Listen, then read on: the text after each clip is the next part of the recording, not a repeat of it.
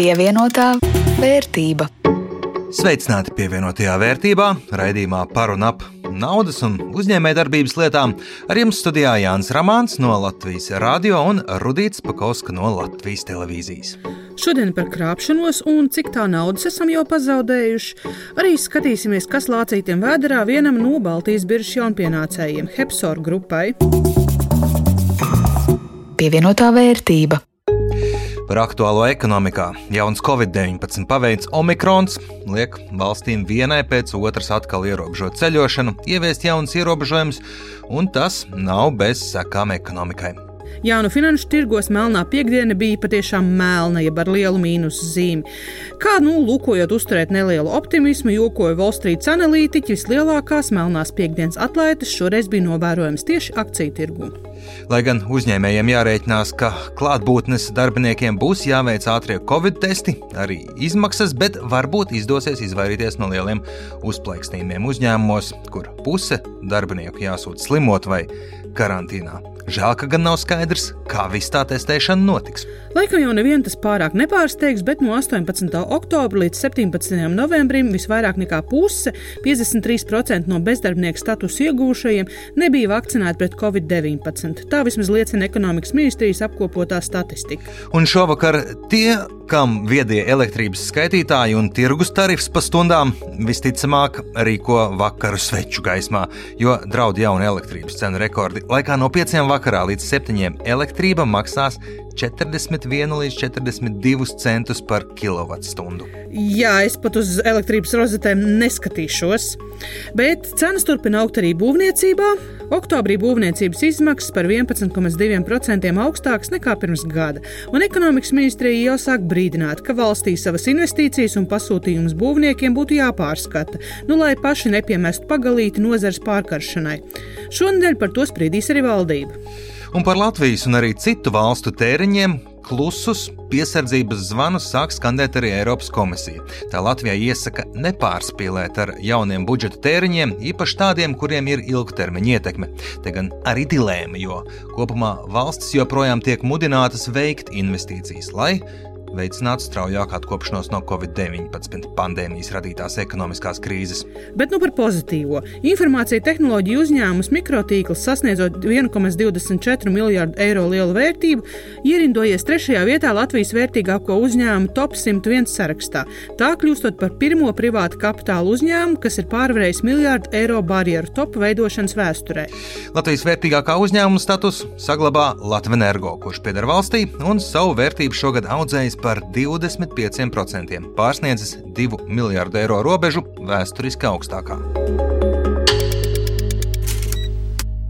Pamēģinam iedomāties, ka virtuālā telpā tie ir virtuālie ceļi, pa kuriem ikdiena Latvijā var pārvietoties vienlaicīgi. Līdz 1 miljonam 400 tūkstošu mūsu iedzīvotāju ar vairāk nekā 2,2 miljonu automašīnu protams, virtuāli. Un, ja mēs velkam paralēlis ar mūsu fizisko pasauli, ar klasiskiem ceļiem, tad, diemžēl, mūsu valstī nepastāv tik stingrs un konkrēts regulējums, kā tas ir ceļu satiksmes noteikumu ievērošanas jomā. Runātājs ir Dmitrijs Homenko. Viņš ir galvenās krimināla policijas pārvaldes ekonomisko noziegumu apkarošanas pārvaldes priekšnieka vietnieks. Nu, Kā viņš saka, mežonīgie rietumi ir, bet nu nav neviena, kura pienākums būtu rūpēties par interneta satiksmes drošību. Un policijas dati apliecina, pēdējā laikā mēģinājumi apkrāpt citus internetā, nu vai dažādās attālinātajos veidos ir aktivizējušies, un noziedzības pieaugums ir vairāk kārtīgs. Nu, galvenais iemesls ilgi nav jāmeklē, protams, pandēmija. Varētu teikt, tiešās sekas tam, ka mēs esam kļuvuši vairāk virtuāli, vairāk attālināti un vairāk atkarīgi no informācijas tehnoloģijām. Bet, diemžēl, kā jebkurā ārkārtējā situācijā, nebija laika sagatavoties, nebija laika pienācīgi cilvēkus, mūsu sabiedrības locekļus izglītot un pasargāt no šiem riskiem, kurus mums līdzi atnesa šī virtualizācija un internetizācijas straujuši pieaugums. Un kādi tad ir populārākie veidi, kā pēc krāpnieku zvaniem, ziņām, viltus lapām šķiramies no naudas? Godpilnajā trešajā vietā krāpniecības, kad izmantojot kādu ziņapmaiņas vietu, prasa maksāt par kurjeru pastu un veido viltotas piegādātāju lapas. Nu, tā teikt, samaksā, saņem, būs labi. Nebūs labi. Cietušo laikā no 2017. līdz 2021. gadam virs 700, zaudējumi virs 150 tūkstošiem eiro. Otrajā vietā ir viltus brokeri un investīcija platformas. Tur šobrīd policija izmeklē divu lielu starptautisku noziedzīgu grupu darbību, un par lielāko no tām Latvijā viens sākts 121 krimināla process, un tajos nodarīts zaudējumi virs 2 miljoniem eiro. Un sliktākais ir tas, ka viens un tos pašus cilvēkus šīs grupas reizēm metodiski un apzināti krāpj vairāk kārt. Kā mēs redzam, tad pirmajā līmenī cietušie tika uzrunāti, teiksim tā, nu, tā žargoniski pateikt, ar augstu piegājienu, zvanu plānot, interesējoties un meklēt tos cilvēkus, kuri uzķēras.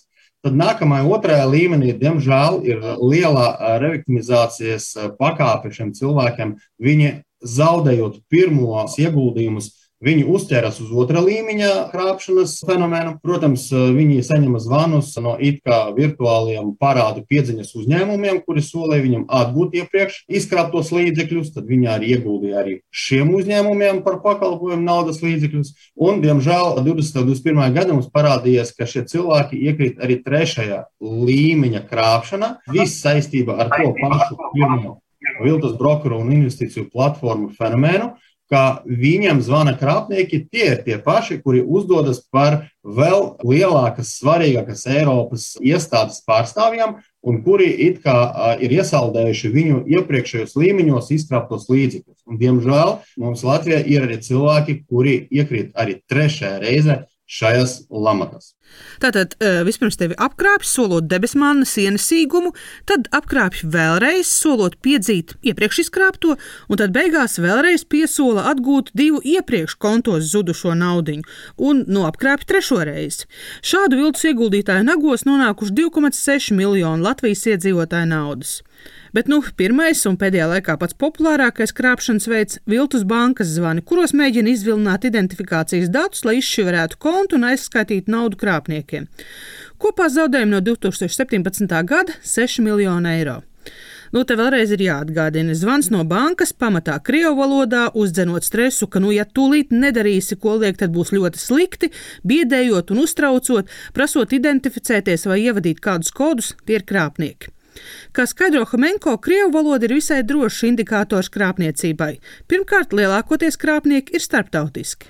Tas nav noslēpums, ka komunikācija visas šajos uh, trīs fenomenos notiek uh, krievu valodā. Tas arī ir priekšnosacījums pamatotam apgalvojumam, ka šie noziedzīgie darboņi neatrodas Latvijā. Tas arī izmeklēšanas laikā ir pierādīts, ka viņi nāk no Austrum Eiropas, un tā ir augstas klases organizētā noziedzība, kurā ir izplatījusies arī uz citām Eiropas valstīm, kur tiek aktīvi izmantota krievu valoda kā komunikācijas valoda. Otrakārt, par to, ka krāpnieki varētu, nu tā teikt, lokalizēties un sākt masveidā runāt latviešu, policija daudz neuztraucas. Tiešām valoda ir noteicošais. Iepriekš bija brīdinājumi par to, kā, ko mēs darīsim, ja viņi sāks runāt valsts valodā. Es varu apgalvot diezgan pamatoti, ka visi pakaļdarinātāji šiem fenomeniem, kuri runā valsts valodā, jau vai nu ir nonākuši attiecīgais vietas, vai nu tuvākā laika nonāks. Šis fenomens ļoti ātri un viegli ir identificējams, ja viņš notiek no mūsu iedzīvotāju noziedznieku puses. Bet ko darīt, ja noziedznieks noķert nav vienkārši un samazināt apdraudējumu arī nē? Policijai ir piedāvājums ieviest internetā vismaz brīdinājuma zīmes. Informēt, nevis bloķēt, nevis liekt piekļuvi, bet proaktīvi informēt lietotājus par to, ka viņi apmeklējot vietni, piemēram, krāpšana.com, ka iespējams šī vietne ir krāpnieciska un valstī ir uh, iestādes, kuras ir reģistrētas sūdzības saistībā ar šo vietni. Protams, galvenā ideja nevis liekt piekļuvi šai vietnei, jo ierobežot internetu tas nav mūsu mērķis, un, protams, tas ir pretējai interneta idejai, bet brīdināt, informēt mūsu lietotājus par to, ka saistībā ar šo vietni piemēram, valsts policijā ir aktīvas izmeklēšanas. Nu, pagaidām gan tā ir tikai un vienīgi ideja, pie kuras ieviešanas vēl jāstrādā. Tas ir preventīvs rīks, kuru mēs uzskatām būtu īstais laiks sākt ieviest. Un pašlaik valsts policija ir uzņēmusies tādu virsvadības lomu, un mēs aktīvi meklējam sadarbības partnerus arī valsts sektora, arī valsts iestāžu un arī nevalstisko organizāciju vidu, lai vērsties pret telekomunikācijas krāpniecību internetā tieši ar šī brīdinoša rīka ieviešanu. Kamēr internetā brīdinājumu zīmju ir daudz mazāk nekā uz ceļiem, nu, katram pašam jāuzmanās un nevajag dāvināt noziedzniekiem sūri grūti pelnīto pievienotā vērtība. Ja pasaulē biržās bažās par jauno covid variantu, strauji akciju cenu kritumi, tepat Baltijas dīķī tas stipri rāmāks. Rīgā neliels pusprocentu kāpums, Viļņā neliels kritums, bet Tallinā mīnus lielāks - 1,45% mīnusā. Jā, bet nu, mans portfels apmēram joprojām mīņājas uz vietas. Būs jāsāk skatīties, varbūt kāda no pozīcijām ir izsmēlusi savu potenciālu un jāķerās pie radikālām izmaiņām. Kā tad tev klājies? Varbūt Igaunijas tirgus kritums iegriezis? Mazliet, mazliet ir iegriezis. Esmu atmests kādas divas nedēļas atpakaļ. Mans portfels pastumts zem 500 eiro atzīmes. Un, zini, man līdzīgas domas, ka varbūt jāsāk kā radikālāk rīkoties, piemēram, izpārdot pozīcijas, bet vienlaikus atceros ekspertu ieteikumus pašos pirmsākumos, ka tieši šādi emocionāli lēkājot var sev vislielāko skādi pats nodarīt.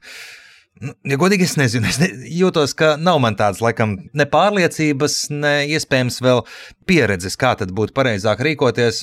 Bet tā pašā laikā, lai iegūtu pieredzi, varbūt ir jāspēr kāds šāds nu, traks solis. Nē, nu jā, vismaz eksperiments sākumā pirms gada kļūdījāmies uz nebēdu un arī mācījāmies. Tagad sēžam uz paveiktā, Vairs neriskējam, un ne tikai nevinnējam, bet arī vairs nemācāmies.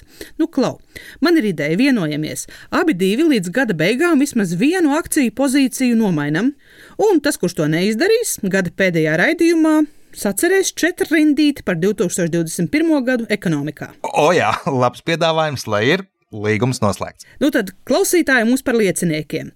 Bet nākamais uzņēmums laikam vairāk interesēs tevi. Ja nu nodara. Nesen spērs pirmos soļus biržā Igaunijas un arī Latvijas tirgū strādājošais nekustamā īpašuma attīstītājs Hepsor. Tā sākotnējais publiskais piedāvājums piesaistīja 10 miljonus eiro. Interesi par akcijām daudzkārt pārsniedz uzņēmumu cerības. Nasdaq Tallink biržā galvenajā sarakstā Hespor akciju tirzniecībā nonāca pirms četrām dienām, un Linda Zelāns skaidro, kādēļ šī uzņēmuma akcijas sākotnējais piedāvājums izraisīja tik lielu ažiotāžu, vai tik sparīgs starts var garantēt arī veiksmi nākotnē. Nekustamā īpašuma attīstītājs Hepsor veiksmīgi darbojas tā mājas tirgu Igaunijā, kur ir viens no spēcīgākajiem šīs nozars pārstāvjiem. Tāpat uzņēmums sevi pieteicis arī Latvijā. Viņš tāds zīmīgs ar to, ka viņš tiešām izmanto tādas inovatīvas risinājumus, lai padarītu savus uzbūvēt sēkas tādas energoefektīvākas un draudzīgākas videi. Invil pensiju fonda valdes priekšādātājs Andrēs Martīnos teica, ka šāds ilgspējīgs biznesa modelis piesaista investoru uzmanību. Uzņēmums pavisam nesen veica sākotnējo publisko akciju piedāvājumu, kur laikā piesaistīja gandrīz 10 miljonus eiro. Un kas ir zīmīgi un tā interesanti, ka tas pieprasījums no investoru puses ir pārsniedzis gandrīz vai deviņas reizes to apjomu, kādu uzņēmums gribēja piesaistīts un kopumā uzrunāja 19,000 investorus. Nekustamā īpašumā attīstītāja nozara ir diezgan nu, pievilcīga, tāpēc, ka, kā mēs redzam, nekustamā īpašuma cenas aug. Un arī pieprasījums pēc jauniem tādiem kvalitatīvi uzbūvētiem, energoefektīviem objektiem arī pieaug. Igaunijā Hepsor ir guvis panākumus, un Andrejs Martīnovs ir pārliecināts, ka uzņēmums redz attīstības potenciālu arī Latvijā, tāpēc arī palielina savu darbību šeit. Ņemot vērā arī to, ka pēdējā laikā sākotnēji publiski piedāvājumi bieži ir diezgan ienesīgs notikums vai ienesīgs pasākums priekš eh, vietējiem investoriem, tad principā arī šīs gadījums rāda to, ka nu, pirmkārt tā nozare ir eh, perspektīva, Un otrkārt, ka šobrīd uh, biežas investoru noskaņojums ir ļoti pozitīvs attiecībā uz jaunu pienācējiem. Hepsor sākotnējā publiskajā piedāvājumā piesaistīja kapitālu ar nolūku finansēt nākamos projektus.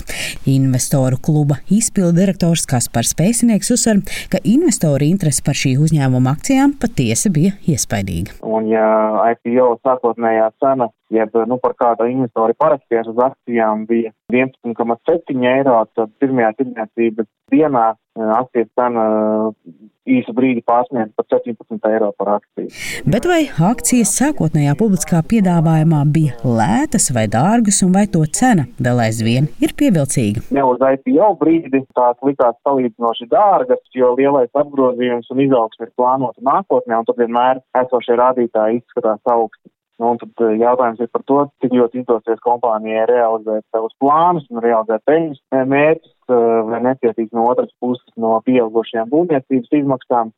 Nu, līdz ar to tad ir jāliek diezgan liels likums eh, nākotnē. Un, ja jau IPO procesā akcijas nelikās, tā teikt, no lētā gala, tad uh, jau pēc tirniecības uzsākšanas, tad akcijas cenas krietni augstākas. Nu, būtu jāvērtē vēl kā mazāk pievilcīgas, nu, vai jābūt ļoti lielai pārliecībai, ka uzņēmums spēs nevien izpildīt savus uzstādītos mērķus, bet nodrošināt vēl labākus rezultātus, kā tiek domāts. Abiem ieguldījumu ekspertiem Martīnovam un Pēciniekam jautāja, vai sparīgs starts biržas sākotnējā publiskā piedāvājuma laikā var garantēt arī veiksmi nākotnē, un vai šī pozitīvā pieredze paver ceļu uz investoru makiem arī nākamajiem uzņēmumiem uzņēmumiem, kas startēs biržā. Tāds strauji kāpums eh, pirmajā dienā Hepsara akciju cenai. Tas, protams, piesaistīs papildus uzmanību gan šim uzņēmumam, jo ceļšķi apstākļos, kad birža šodien ir tādā nu, sarkana diena, nedaudz eh, cenas krītas, skaidrs, ka tas kāpums būs vēl spilgtāks. Gan arī piesaistīs uzmanību vispār sākotnējam akciju piedāvājumam kopumā. Nu, Restīvi, katrais nākamais IPO tas piedāvājums ir vēl labāks, jā, vēl izdevīgāks. Tas piesaista vēl papildus, nodrošina nākamajiem pretendentiem uz investoru naudu. Ir patīkami tas, ka jau sākumā ir kaut kāds cenas lēciens. Tas apliecina to, ka visi ir eh, savu darbu plus mīnus labi izdarījuši. Ja lēciens ir ļoti milzīgs, tas nozīmē to, ka bija iespēja paņemt vēl vairāk kapitāla. Varbūt šajā gadījumā tā ir mazliet neizmantot iespēja. Tomēr tas diez vai atstās kaut kādu būtisku ietekmi uz uzņēmumu pašu darbību. Pēcinieks ir pārliecināts, ka katra ceturkšņa finanšu atskaites vai citi būtiski notikumi, par kuriem uzņēmums ziņos biržā, noteikti atstās ietekmi uz akciju akcijas cenu. Līdz ar to sparīgais starts sākotnējā publiskā piedāvājuma laikā ir jāspēj noturēt ar ražīgu uzņēmuma izaugsmas tempu. Linda Zalāne, Latvijas radio. Ar to arī izskan šīs nedēļas raidījums pievienotā vērtība. To jums veidoja Rudīts Pakausks no Latvijas televīzijas un Jānis Ramāns no Latvijas radio. Atgādinu, ka šo un citus pievienotās vērtības raidījumus varat noklausīties Latvijas radio arhīvā, kā arī vietās, kur klausāties raidierakstus.